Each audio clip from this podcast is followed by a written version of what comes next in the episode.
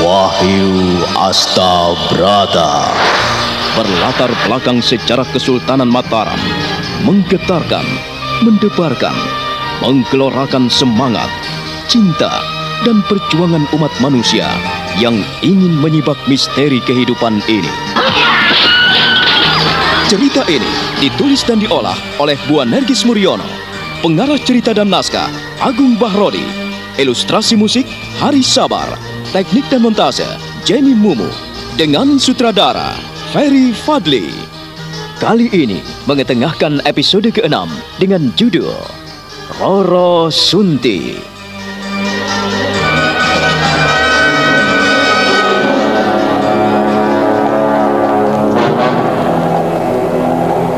Pada hari itu, ketika orang-orang Talun berusaha untuk memporak-porandakan rumah Kisrenggi, mereka gagal melampiaskan niat mereka. Sebab tanpa diduga, Kisrenggi sudah datang dari Mataram. Tak ada seorang pun yang berani berkutik menghadapi Kisrenggi yang ganas dan sakti mandraguna. Apabila tak ada Pak Lurah, maka semuanya akan berantakan.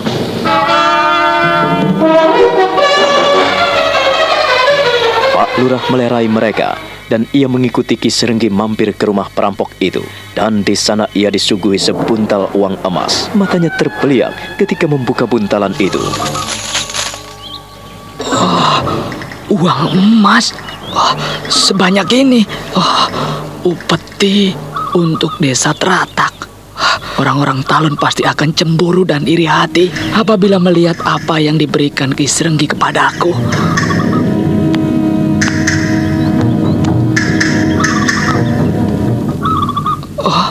Kau dengar Sunti?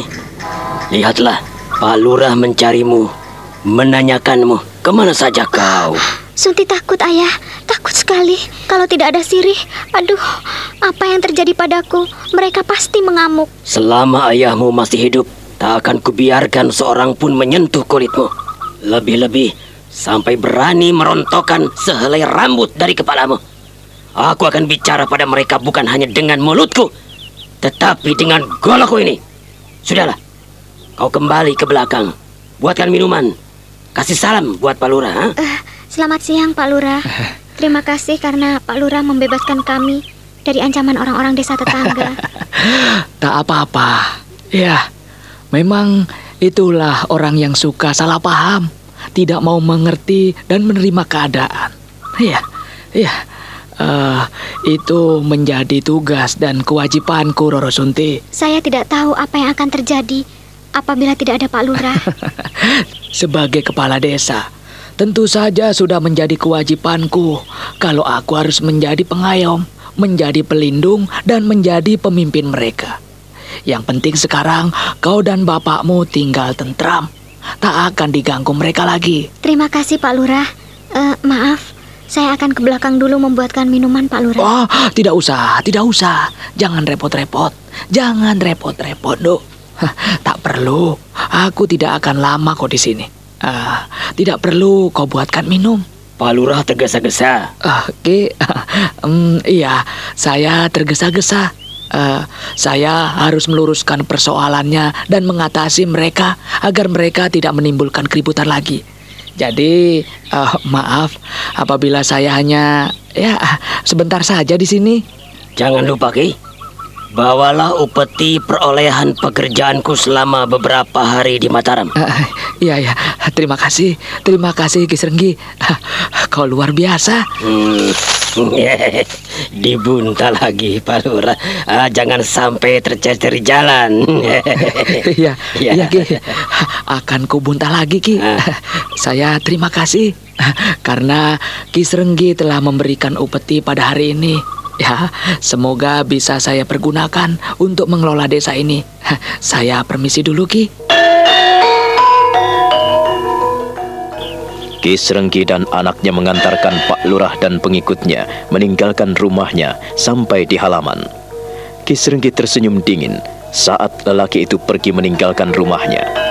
Sementara Roro Sunti hanya bisa menunduk sambil meremas-remas jemarinya. Apa yang ayah berikan padanya? Itu hanya sekedar upetindo. Kau jangan khawatir. Masih banyak yang ayah punya daripada yang ia bawa. Tapi ayah, Hmm. eh, kulihat eh, keping-keping emas itu. Mengapa harus ayah berikan? Seharusnya untuk kita sendiri kan? Jangan khawatir, No. Itu tidak seberapa. Ayah masih memiliki berkarung-karung lagi keping-keping emas semacam itu. Itu hanya sebagian kecil. Karena ayah memberikan upeti kepadanya, maka ia pun berpihak kepadaku.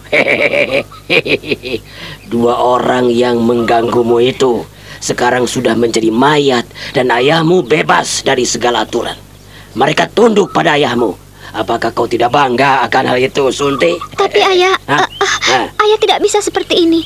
Aku tidak bisa menerima apa yang ayah lakukan selama ini. Alah, Sunti, kau ini anakku.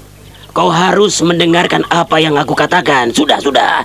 Jangan ikut campur pada persoalan ayahmu. Sana, ke belakang. Temui kawan-kawanmu. Jangan ikut lagi persoalan ini. Ayah? Diam dan jangan bicara lagi. Cepat, tinggalkan ayah. Kembalilah pada pekerjaanmu semula.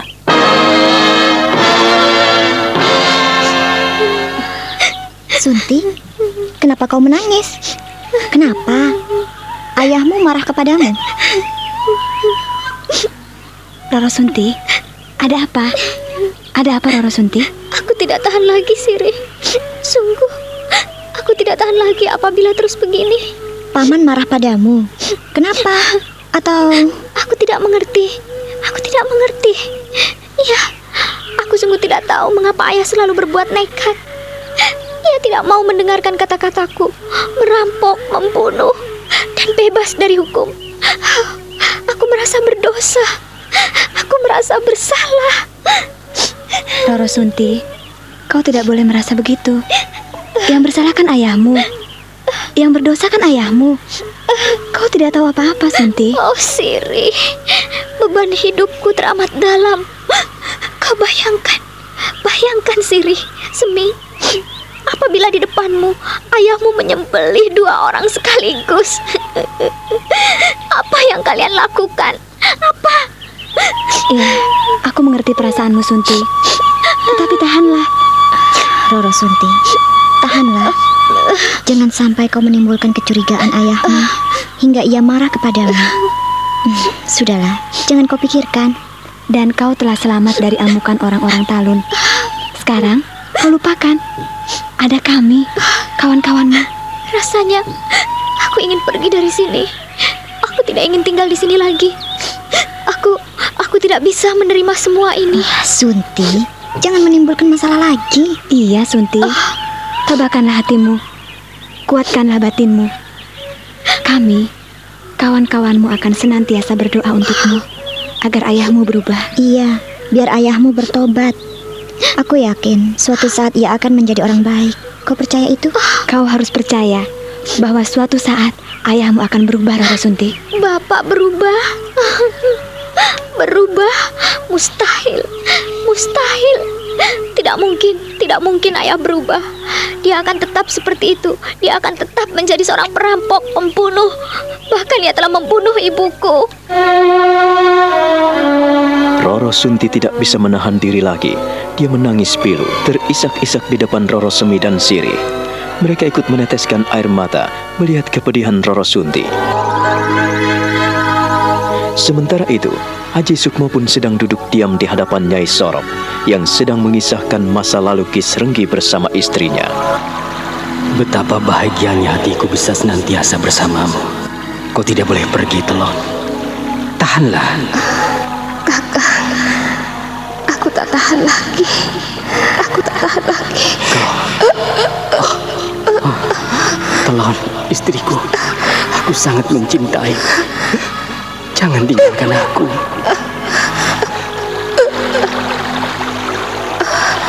Tolong aku.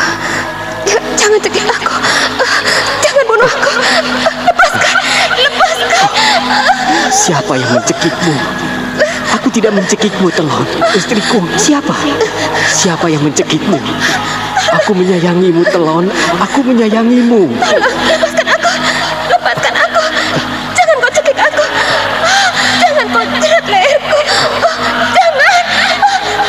Telon, Telon. Siapa yang menjeratmu? Siapa yang mencekikmu? Dengarkanlah aku, Telon. Ini aku, suamimu. Ingatlah, aku suamimu.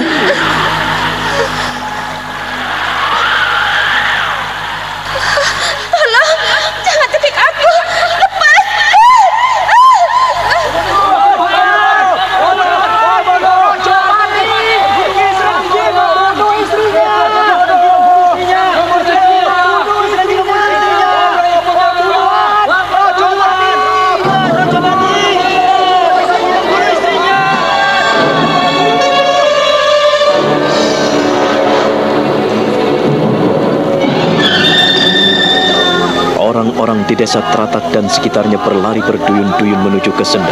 Mereka melihat adegan yang mengerikan. Nampaknya Isringgi menjulurkan lidahnya. Perempuan itu mati di dalam pangkuan suaminya. Kisringgi sendiri kaget. Dia tidak tahu apa yang harus dilakukannya. Matanya melotot ketika melihat lidah istrinya terjulur panjang keluar.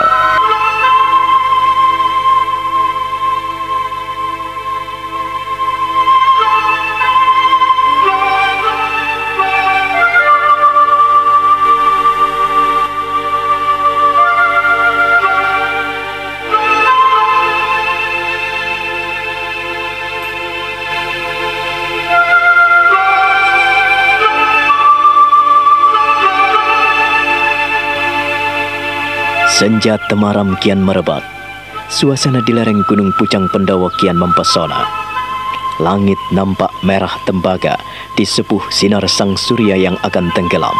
Aji Sukmo dan Roro Sunti melantunkan tembang-tembang cinta di bukit itu. Mereka memandang matahari yang akan tenggelam dengan senyum dan debar di hati. Roro Sunti mengulurkan tangannya dan akan meraba dada Aji Sukmo. Namun dia menariknya kembali karena malu sekali.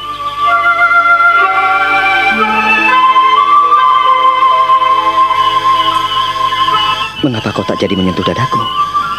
Takut? Hmm? Tidak, Sukmo, tapi Tak perlu merasa tak enak. Aku hanya ingin menyatakan bahwa jantungku terasa berdegup lebih cepat apabila dekat denganmu. Sukmo, kau seperti Arjuna saja. Ah, eh, iya, Arjuna memang tokoh pewayangan yang sangat kucintai.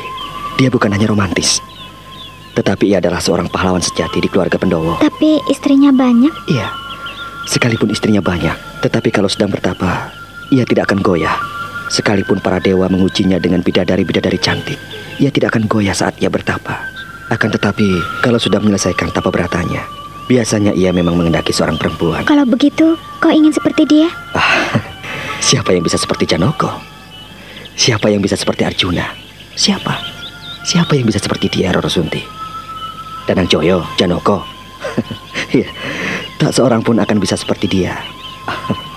Roro Sunti, aku ingin bertanya kepadamu. Tanya saja. Kalau aku bisa menjawab pertanyaanmu, pasti akan kujawab. Apakah benar nama ibumu adalah Kembang Telon? Mengapa kau tanyakan ibuku? Kalau begitu, eh, nama Sendang Telon adalah nama ibumu? Roro Sunti menunduk. Tiba-tiba wajahnya nampak pucat. Dia memalingkan wajah dan menjauhi Aji Sukmo.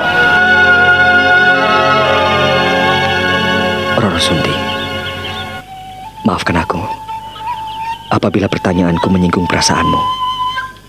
Maafkan aku, Roro Sunti. Bukan maksudku menyinggung perasaanmu, tetapi aku hanya ingin mencari kebenaran.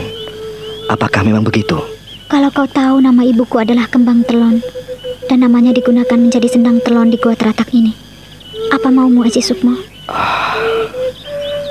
Roro Sunti, Iya, memang aku anak orang yang hina. Anak perampok, anak pembunuh. Roro Sunti. Kumohon kau jangan tersinggung dengan pertanyaanku itu. Maafkan aku. Baiklah. Ah, lupakan pertanyaanku. Ah, tak boleh aku pegang tanganmu. Kau tak memaafkan aku. Demi yang maha kuasa, aku tak bermaksud menyinggung perasaanmu. Aku berjanji. Ya, aku tak ingin menyakiti hatimu, Roro Sunti.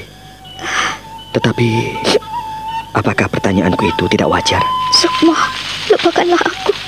Aku pergi. Rara Sunti, jangan. Jangan pergi. Tunggu dulu.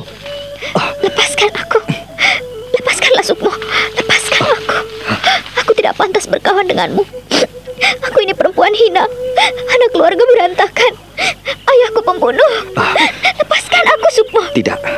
Aku tidak akan melepaskanmu sebelum kau memaafkan aku. Bila aku menyakitimu, aku minta maaf, Sunti. Tidak ada yang perlu dimaafkan. Itulah aku, anak perampok, anak pembunuh. Biarkan aku pergi. Sunti, Sunti. Hatiku tak seburuk itu. Demi Tuhan, aku tak bermaksud melukai hatimu. Maafkan aku, Roro Sunti. Maafkan aku. Sukmo dengan lembut meremas jemari Roro Sunti yang tak jadi beranjak pergi. Bahkan tanpa disadarinya, tiba-tiba Roro Sunti membalas remasan jemari Aji Sukmo. Dia merasa damai dalam genggaman jemari itu.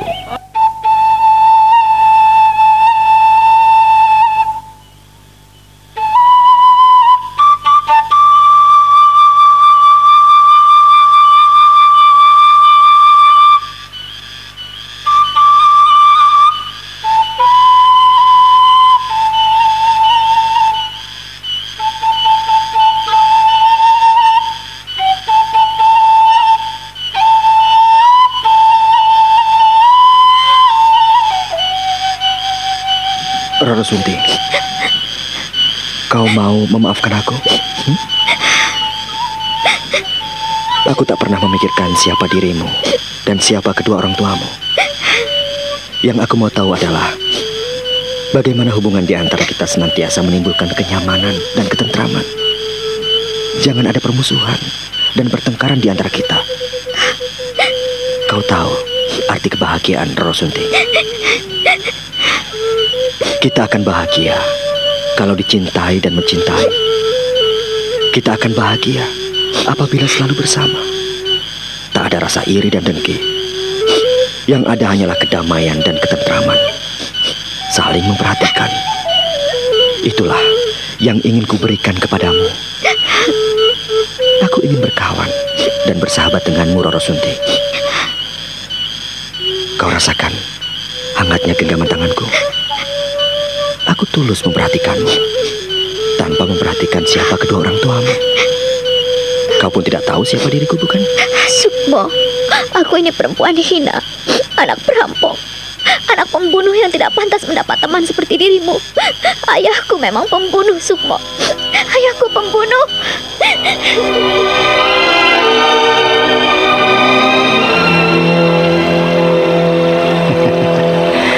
Aku bangga punya dirimu, Telon. Kakang Serenggi, kehadiran Roro Sunti membuat aku bahagia sekali dan terharu karena aku bisa mempersembahkan kepadamu yang terbaik. Aku tidak bisa memberikan apa-apa kepadamu, kakak, selain memberikan Roro Sunti untukmu. Dan kita akan merawatnya. Kita akan mengasuhnya. Ah, kau semakin cantik. Aku bangga punya istri sepertimu, Telon. Ah, kakak, aku merindukan dekapanmu. Dekaplah aku erat-erat agar kurasakan kehangatan dadamu, kakak. Sejak tadi aku telah memelukmu, Telon. Hmm? Lebih erat lagi, kakak. Aku ingin merasakan detak jantungmu. Peluklah aku erat-erat, kakak. Peluklah lebih erat. Aku telah memelukmu, Telon. Hmm? Ini erat sekali. Peluklah aku, kakak. Cumbilah aku. Aku rasanya ingin selalu bersamamu dan berpelukan erat denganmu. Telon, apa yang kau inginkan, kita akan senantiasa bersama dan kita tidak akan berpisah. Kita telah memiliki momongan. Kita telah memiliki seorang anak yang cantik. Kita akan senantiasa bersama dan berbahagia, Telon.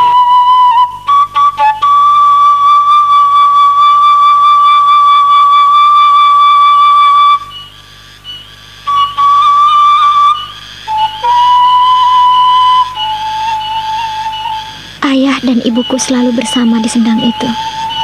Mereka sering menumpahkan cinta kasihnya di sendang itu, Sukmo. Mereka saling mencintai dan saling mengasihi. Iya, aku paham. Saling memperhatikan adalah satu hal yang paling berarti di dalam hidup ini. Karena keintiman mereka, Karena kerukunan dan kebahagiaan ibuku, maka banyak orang yang iri pada mereka. Iya, mereka memang orang-orang sederhana, tetapi sangat menghargai cinta kasih.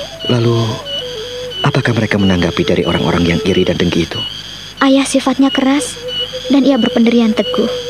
Mereka tidak mau mendengar lagi apa yang dikatakan orang-orang. Mereka malah semakin intim bersama-sama di sendang. Mencuci bersama, mengambil air bersama, bahkan mencari udang dan ikan di balik batu pun bersama-sama. Hingga menimbulkan kecemburuan yang luar biasa di antara tetangga-tetangganya. Sejauh itu, apakah mereka pernah menimbulkan kerugian buat orang lain? Tetangga-tetangganya misalnya? Menurut penuturan ayah, Hmm? ia tidak pernah merugikan orang lain. Ayah orangnya tidak mau tahu. Yang penting keluarganya bahagia. Lebih-lebih setelah kehadiranku, ia kerja keras siang dan malam. Ia menjala ikan, mencari kayu bakar, bahkan mengambilkan air untuk Pak Lurah pun mau. Ayah tidak sungkan-sungkan untuk bekerja apa saja. Tentu saja demi anak dan istrinya yang sangat dicintainya. Ah, apakah ayahmu bercerita kejadian sebenarnya di sendang telon itu? Hmm, maksudmu? Barangkali ayahmu menceritakan apa yang benar-benar terjadi di sendang itu hingga ibumu meninggal di sana. Ah, maaf. Jangan kau tersinggung lagi. Ah, kau nakal. Aduh, nah, kalau mencubit seperti itu, aku suka. Benar, Sukmo. Ayah pernah menceritakan apa yang terjadi di sendang itu sebelum ayah memutuskan diri sebagai seorang perampok dan pembunuh. Oh, ayahmu nampaknya terbuka kepadamu. Hanya aku miliknya. Bahkan sampai saat ini dia tidak akan membiarkan anaknya diganggu oleh siapa pun juga. Sehingga ia tidak segan-segan menyingkirkan orang-orang yang mengganggu ketentraman keluarganya. Jangan-jangan ia juga benci kepadaku. Ah, Sukmo. Jangan bicara seperti itu. Kau mau dengar atau tidak? Sunti, aku selalu mau mendengarkan apa yang kau ceritakan kepadaku. Ceritakanlah apa yang kau ketahui dari ayahmu. Apa sebenarnya yang terjadi pada kedua orang tuamu di sedang itu?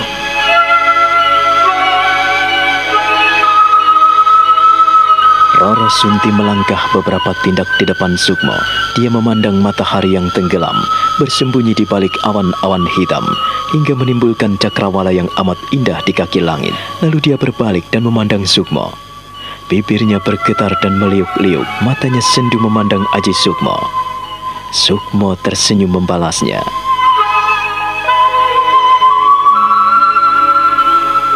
Senja itu, Sukmo dan Roro Sunti menikmati indahnya cakrawala di senja hari, memandang matahari yang sedang tenggelam di ufuk barat. Hati Aji Sukmo tersentuh sekali ketika mendengarkan kisah Roro Sunti tentang kedua orang tuanya. Dia melihat tatapan mata Roro Sunti yang amat sendu. Katakanlah dan ceritakanlah Roro Sunti. Aku siap mendengarkannya. Aku siap mendengarkan apa pun yang kau ceritakan. Kau percaya padaku? Aku percaya, Sunti. Sungguh. Demi yang menciptakan langit dan bumi, aku percaya kepadamu. Tapi aku ingin kau berjanji, Sukmo. Berjanji? Berjanji tentang apa? Ku minta kau tidak menceritakan apa yang kukisahkan kepadamu pada orang lain. Aku berjanji. Sungguh? Iya, aku berjanji. Percayalah kepadaku. Aku tak akan menceritakan apa pun yang telah kau katakan kepadaku, Roro Sunti.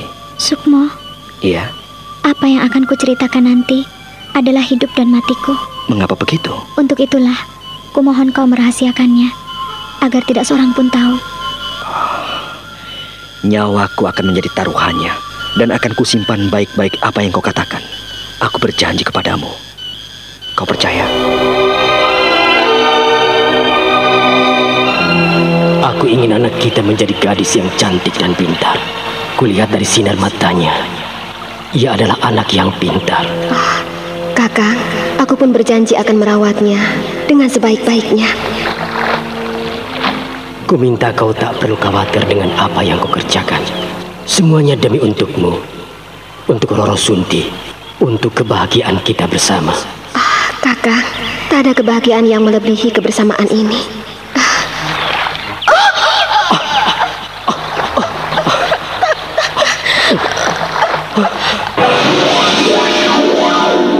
Serenggi dan istrinya terkejut sekali ketika kaki mereka seperti disengat oleh seribu lebah.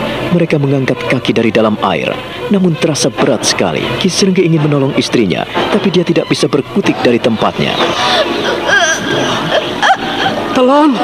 Telon! Ki Serenggi terkejut sekali ketika melihat kilatan warna merah panjang menjerat Nyai Telon dan ia sendiri pun tak berkutik karena tidak mampu menyentuh tubuh istrinya dan tak mampu untuk menjamah kilatan warna merah itu yang makin menjerat leher istrinya.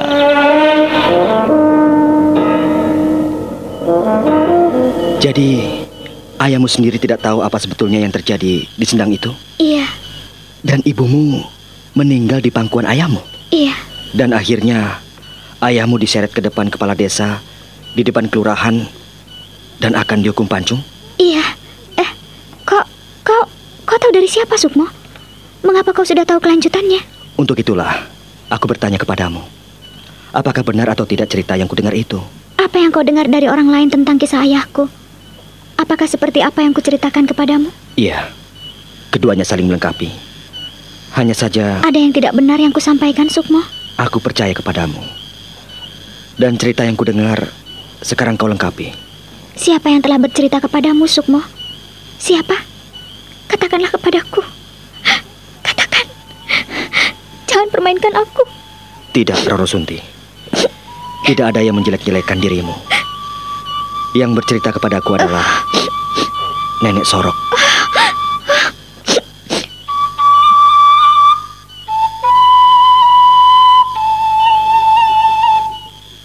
Lalu Aji Sukmo pun menceritakan apa yang telah ia dengar dari neneknya, yaitu tentang Ki Serenggi yang telah dituduh sebagai pembunuh istrinya sendiri.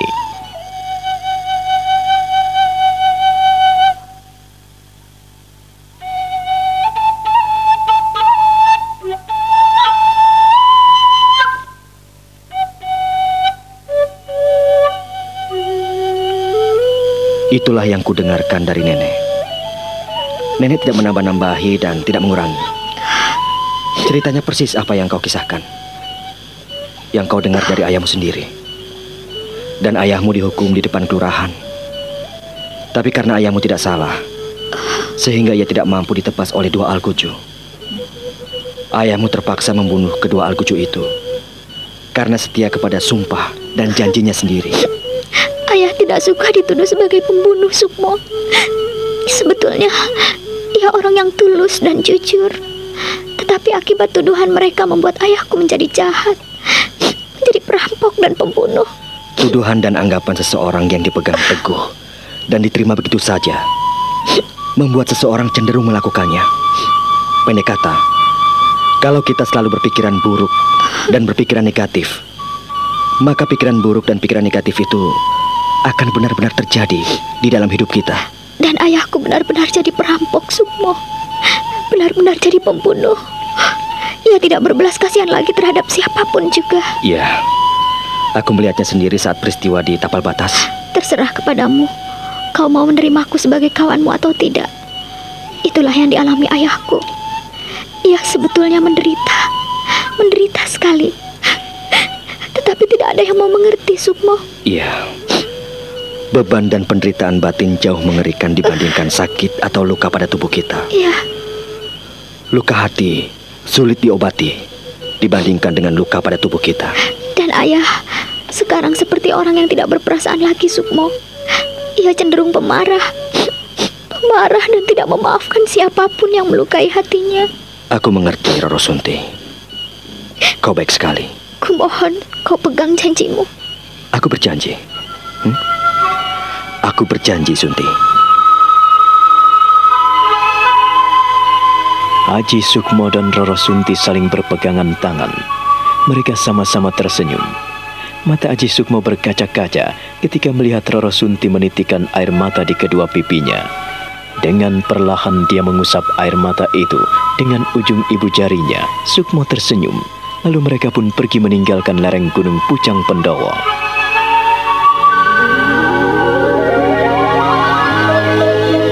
Pada malam harinya, Haji Sukmo menceritakan hal itu pada Nyai Sorok. Dan Nyai Sorok pun hanya bisa mengangguk-angguk. Perempuan itu ikut terharu mendengar kisah anak angkatnya. Itulah kehidupan, Ger. Barangkali apa yang diceritakan Ki Serenggi pada anaknya itu benar adanya. Sebab aku sendiri tidak tahu apa yang terjadi pada mereka. Iya, Nek. Seandainya Kisrenggi tega membunuh istrinya sendiri, rasa-rasanya juga tak mungkin. Tapi ku minta kau jangan termakan oleh cerita manis itu ya, Nger ya. Kau harus hati-hati. Iya, Nek. Saya hanya ingin berkawan dan menemani Roro Sunti. Ia membutuhkan seseorang yang mampu dan mau mendengarkan suara hatinya. Iya. Dia ternyata gadis yang baik. Dia mau terbuka kepadaku, dan aku pun senang berbincang dengannya. Hanya saja pesan nenek. Orang yang jatuh cinta kadang-kadang sampai lupa segala-galanya. Nenek, bisa-bisa saja nenek ini. Siapa yang jatuh cinta? Ya siapa tahu. Orang yang sedang jatuh cinta kadang-kadang juga suka menipu dirinya sendiri. Nenek, nenek ini ada-ada saja. Aku jadi malu. Tapi jatuh cinta itu pun hal yang wajar dan manusiawi sekali. Kalau kau menyukai Roro Sunti, mudah-mudahan saja kau bisa menghadapi tantangan dan godaan, Ger. Nenek, kami hanya berkawan. Tresno kuwi jalaran soko kulino. Ah, nenek. Karena selalu memperhatikan dan saling mendengarkan isi hati masing-masing akan menumbuhkan benih-benih cinta, Ger. Dan tak ada seorang pun yang bisa menolak kehadiran cinta kasih dari batin seseorang dia akan tumbuh dan bersemi dengan sendirinya. Nenek. Dan biasanya orang yang jatuh cinta terlalu banyak mengandalkan perasaannya. Tapi mungkin lain terhadapmu. Kau pasti juga mengandalkan hati dan pikiranmu. Nenek, tahu saja. Sukmo jadi malu. Wajah Sukmo merah padam dia malu sekali karena Nyai Sorok seakan-akan bisa membaca hatinya. Dia sadar akan kebijaksanaan orang tua yang selama ini mengasuhnya itu. Lalu ia berbalik dan tersenyum pada perempuan tua itu. Lama sekali mereka saling beradu pandang. Jadi, selama ini nenek menganggapku sudah jatuh hati kepada gadis itu? Loh, nenek tidak mengatakan demikian. Tetapi, seorang pemuda yang sudah menaruh perhatian pada seorang gadis, namanya sudah kecurian. Nenek. Siapa yang bisa menyembunyikan hatinya dari pencuri cinta? Ayo. Ah. Nenek bisa juga bergurau. Nenek tidak bisa bergurau, Ger. Loh. Tetapi inilah kenyataan hidup. Setiap orang pasti akan mendekati lawan jenisnya karena gerakan dan dorongan batinnya. Seperti yang pernah nenek alami waktu muda. Nenek ingin selalu berdekatan dengan mendiang kakekmu. Kakek Sorok? Iya, kisah cinta yang menyenangkan yang membahagiakan, yang mendebarkan. Lebih-lebih apabila melalui waktu-waktu hanya berduaan saja. Nenek ternyata romantis juga. Ah, iya, iya, iya. Setiap orang yang jatuh cinta, ia pun akan tercipta menjadi tokoh-tokoh sandiwara, Ger. Hmm? iya, dunia ini adalah panggung sandiwara. Untuk itu, kita harus benar-benar pandai memainkan peranan kita masing-masing. Apakah saya bisa berperan dengan baik, Nek? Ya, itu tergantung padamu, Ger. Hah? Kalau nenek terpenggal di tengah jalan karena kakekmu pergi lebih dulu, maka nenek tidak bisa menghalang-halanginya. Semuanya akan kembali kepada takdir. Loh, loh, kenapa tertawa? Ada yang lucu, ha? Atau kau teringat sesuatu yang lucu? Uh, kalau selalu teringat seseorang, Nek? Oh.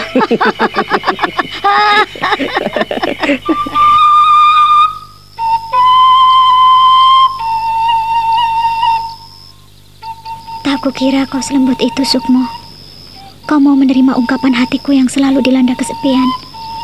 Kau ternyata pemuda yang baik. Lain dengan pemuda-pemuda di teratak ini yang selalu mencemooh dan menyudutkan aku. Kau anak perampok, anak pembunuh. Iya, sungguh menyedihkan. Tetapi kau lain, Sukmo. Kau mengerti hatiku. Mudah-mudahan kau setia dan dapat ku percaya memegang janji yang kau ucapkan. Uh, uh. Belum tidur, Sunti? Belum, Ayah. Tidak bisa tidur. Hmm.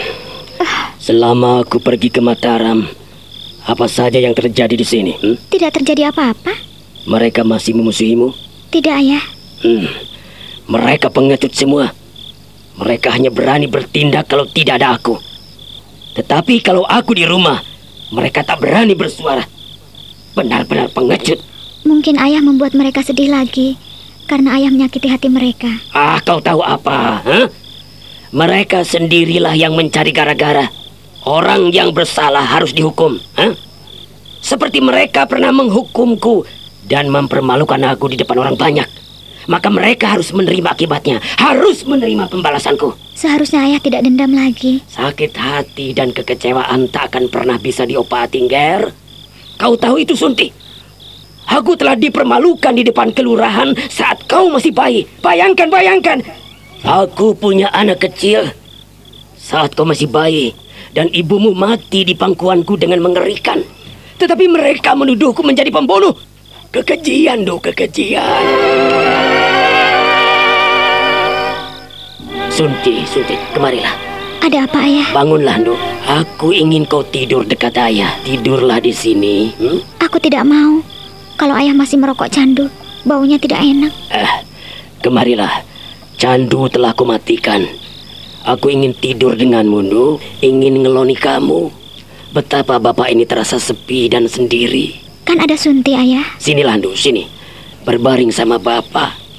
Ah, andai saja ibumu masih ada, Nduk. Roro Sunti menuruti apa yang diinginkan ayahnya.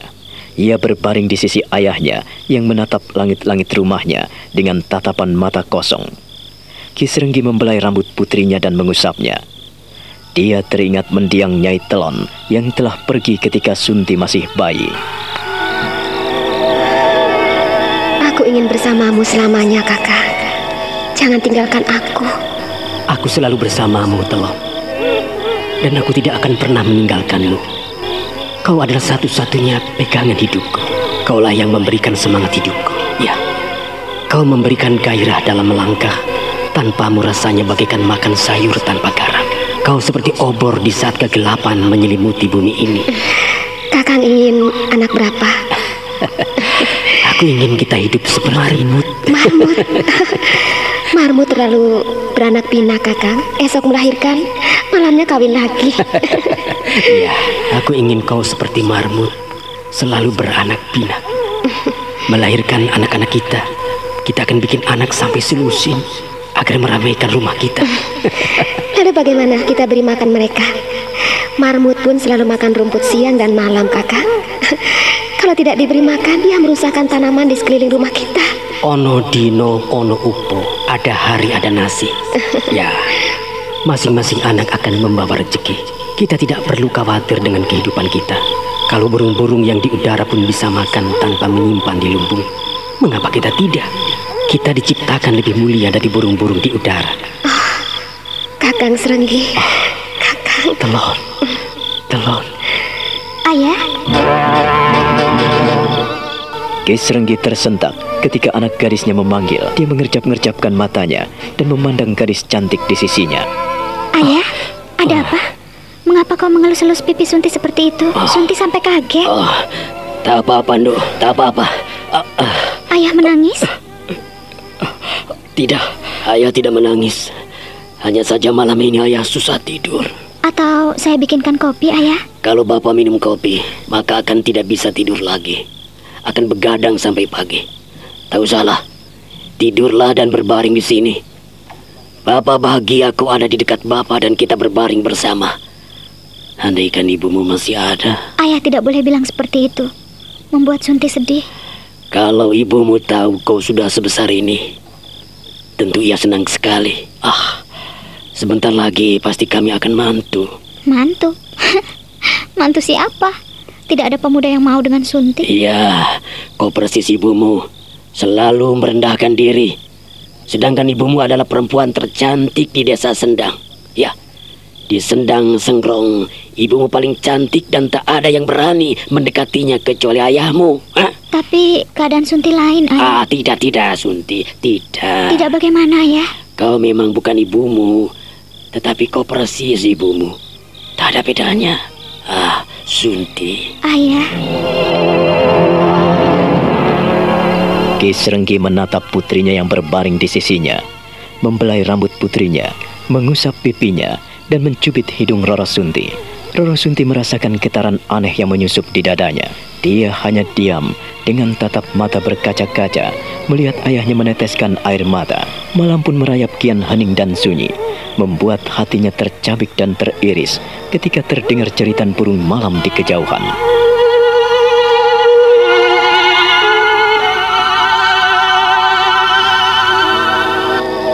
Anakku, kau persis ibumu, cantik dan suka merendahkan diri. Andaikan ibumu masih ada, tentu tak seperti ini hidupmu.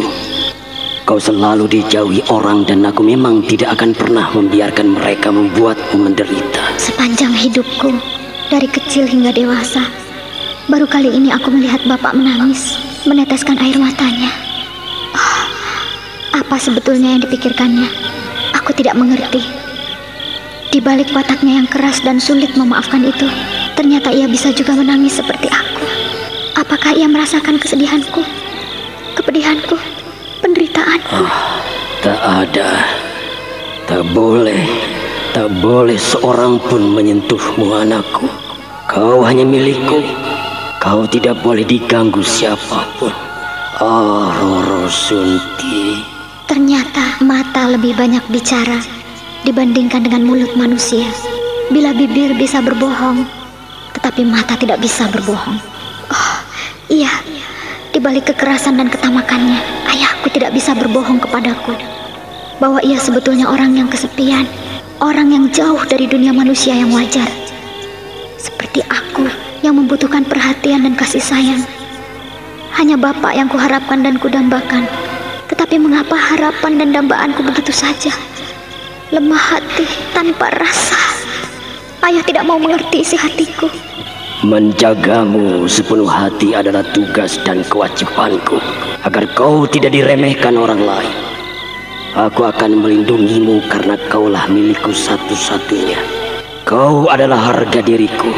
Kau adalah nyawaku, Roro Sunti. Kisrenggi tak bisa berbuat apa-apa ia hanya bisa diam, giginya terdengar gemeretak karena menahan kepedihan yang mencekam dadanya. Sebaliknya, Roro Sunti pun merasakan kegetiran yang menyelinap di batinnya yang amat dalam.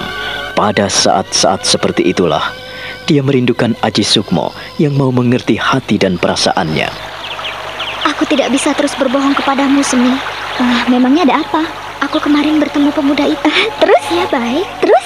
Ya rendah hati. Uh, terus, terus? Selesaikan cucianmu dulu. Ah, tanggung kalau kamu mau cerita. Ada apa? Bagi-bagi cerita padaku. Kalian hanya cerita berdua, tidak mau ngomong sama aku? Ini rahasia. Kamu belum boleh tahu. Ah, kalian jahat. Selalu merahasiakan sesuatu padaku. Awas ya, aku juga punya kenalan baru. Kalian tidak akan kuperkenalkan. Terserah padamu. Aku tidak butuh kenalan dengan pemuda temanmu itu. Hmm, kalian akan menyesal. Aku punya kenalan pemuda yang gagah, tampan, dan dia memiliki segudang pengalaman dalam petualangannya. Kalian tidak ingin tahu? Nah, itu dia punya kenalan baru. Silahkan, tanyakan saja pada Roro Siri. Tapi, ah, tidak Sunti. Biarkan kau saja yang berkenalan dan berhubungan dengannya. Aku sudah bermusuhan dengannya. Kau saja yang menciptakan permusuhan. Habis, kamu tidak kompak. Kita jual mahal sedikit, tidak mau. Eh, kau membelainya. Duh, mati aku di depannya.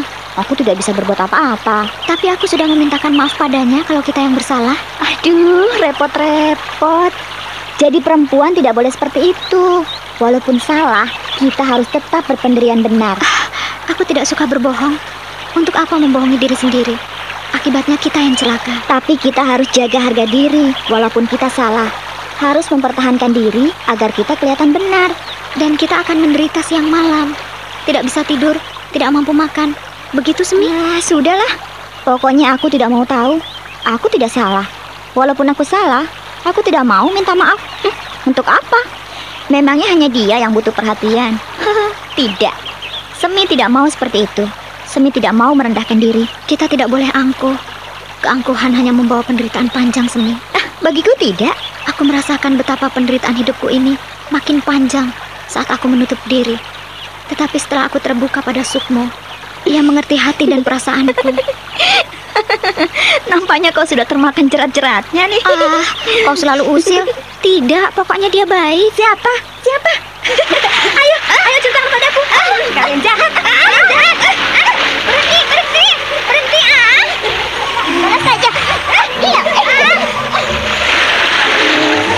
Mereka akhirnya riuh dan gaduh di sungai.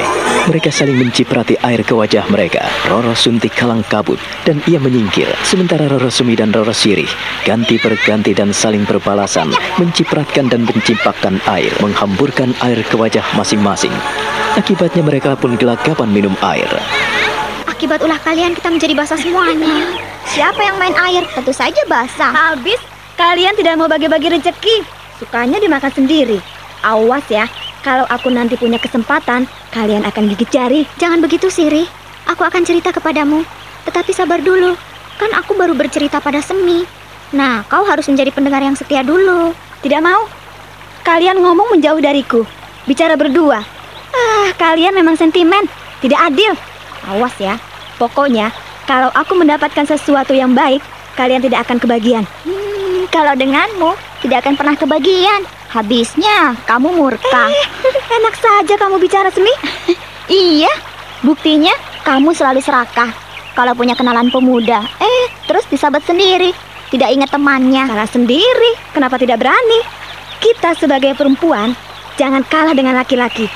Kalau mereka bertolak pinggang, kita harus berani angkat kaki. Kamu keterlaluan. Jangan seenaknya saja. Jadi perempuan kok seperti ya, itu. daripada menyesal, lebih baik tidak kan? Aku berani bertolak pinggang di depan laki-laki. Toh yang butuh bukan mereka saja, kita juga butuh. Iya tidak Sunti? Tidak tahulah. Ah, kau sejak dulu begitu. Tidak tahu, tidak mau. Nggak taunya malah ngebet duluan. Eh, kau ingin tahu siapa yang baru kami kenal? Ah, tidak perlu kau ceritakan. Aku sudah tahu kok. Siapa sih yang setiap sore duduk di tonggak kayu di lereng Gunung Pucang Pendowo? Siapa yang tidak melihat yang selalu berduaan di padang ilalang? Siri? Apa tadi? Eh, jadi, eh? kau sering berduaan di lereng gunung di padang ilalang, begitu? Iya, Sunti. Uh, uh, kau tidak boleh percaya pada omongan Siri. Orang yang suka berbohong kok dipercaya. Loh, loh, loh, loh. Kamu muter balikan kenyataan ya? Awas, kalau kena batunya. Jangan mengeluh dan minta tolong pada Siri. Biarkan saja. Aku akan membuat kalian gigit jari. dan jangan tanya Siri kalau kalian nanti menangis dan merengek-rengek di depanku. uh, kalian bicara apa? Uh, aku jadi tidak ngerti. Ternyata kalian telah memperebutkan pemuda itu. Bukan pisang kok diperebutkan, bukan barang kok dipermainkan. Ternyata sepupumu itu pintar sekali. Dia sekarang ada kemajuan, lebih berani dan tidak manja lagi. Uh, aku jadi tidak mengerti. Kalau diam-diam kalian telah bersaing dan aku yang ketinggalan karena aku terlalu menutup diri. Ah, Sunti curang. Kok juga sangat curang, Siri? Eh, enak saja kau bicara. Kalau bicara dipikir dulu. Belajar saja pada Siri, Semi. Aku tidak apa-apa kok. Aku hanya cerita kalau aku pernah bertemu pada pemuda itu. Iya, bertemu, saling pandang, duduk berdua di tonggak kayu, memadu janji, mengikrarkan nyanyian hati, ya kan? Siri, kau jangan mengolok-olok aku. Siapa yang ikrar janji? Siapa? Kami kan hanya berteman, kenal saja baru. Uh, apakah aku tidak boleh berkawan?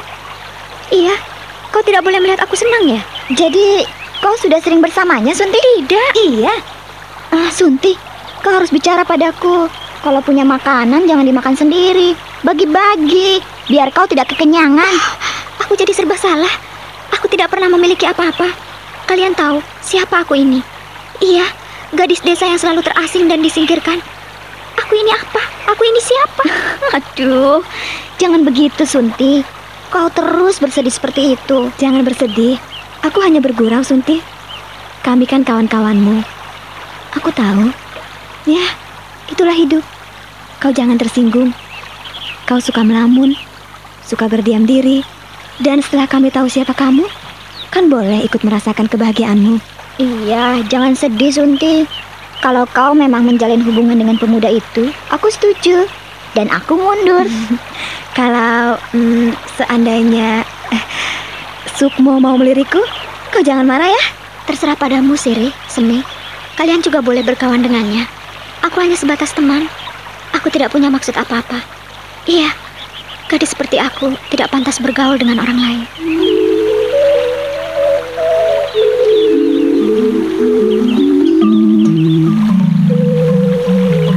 Mendadak suasana yang riang menjadi sunyi dan pilu. Roro Sunti dia membisu. dan kembali sibuk mencuci pakaiannya. Roro, Semi, dan Sirih saling berpandangan. Lalu mereka pun diam, menyingkirkan pakaian mereka yang sudah dicuci.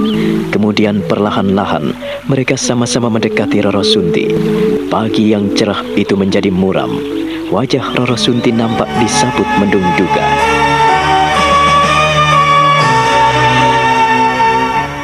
Nah, bagaimana kisah selanjutnya?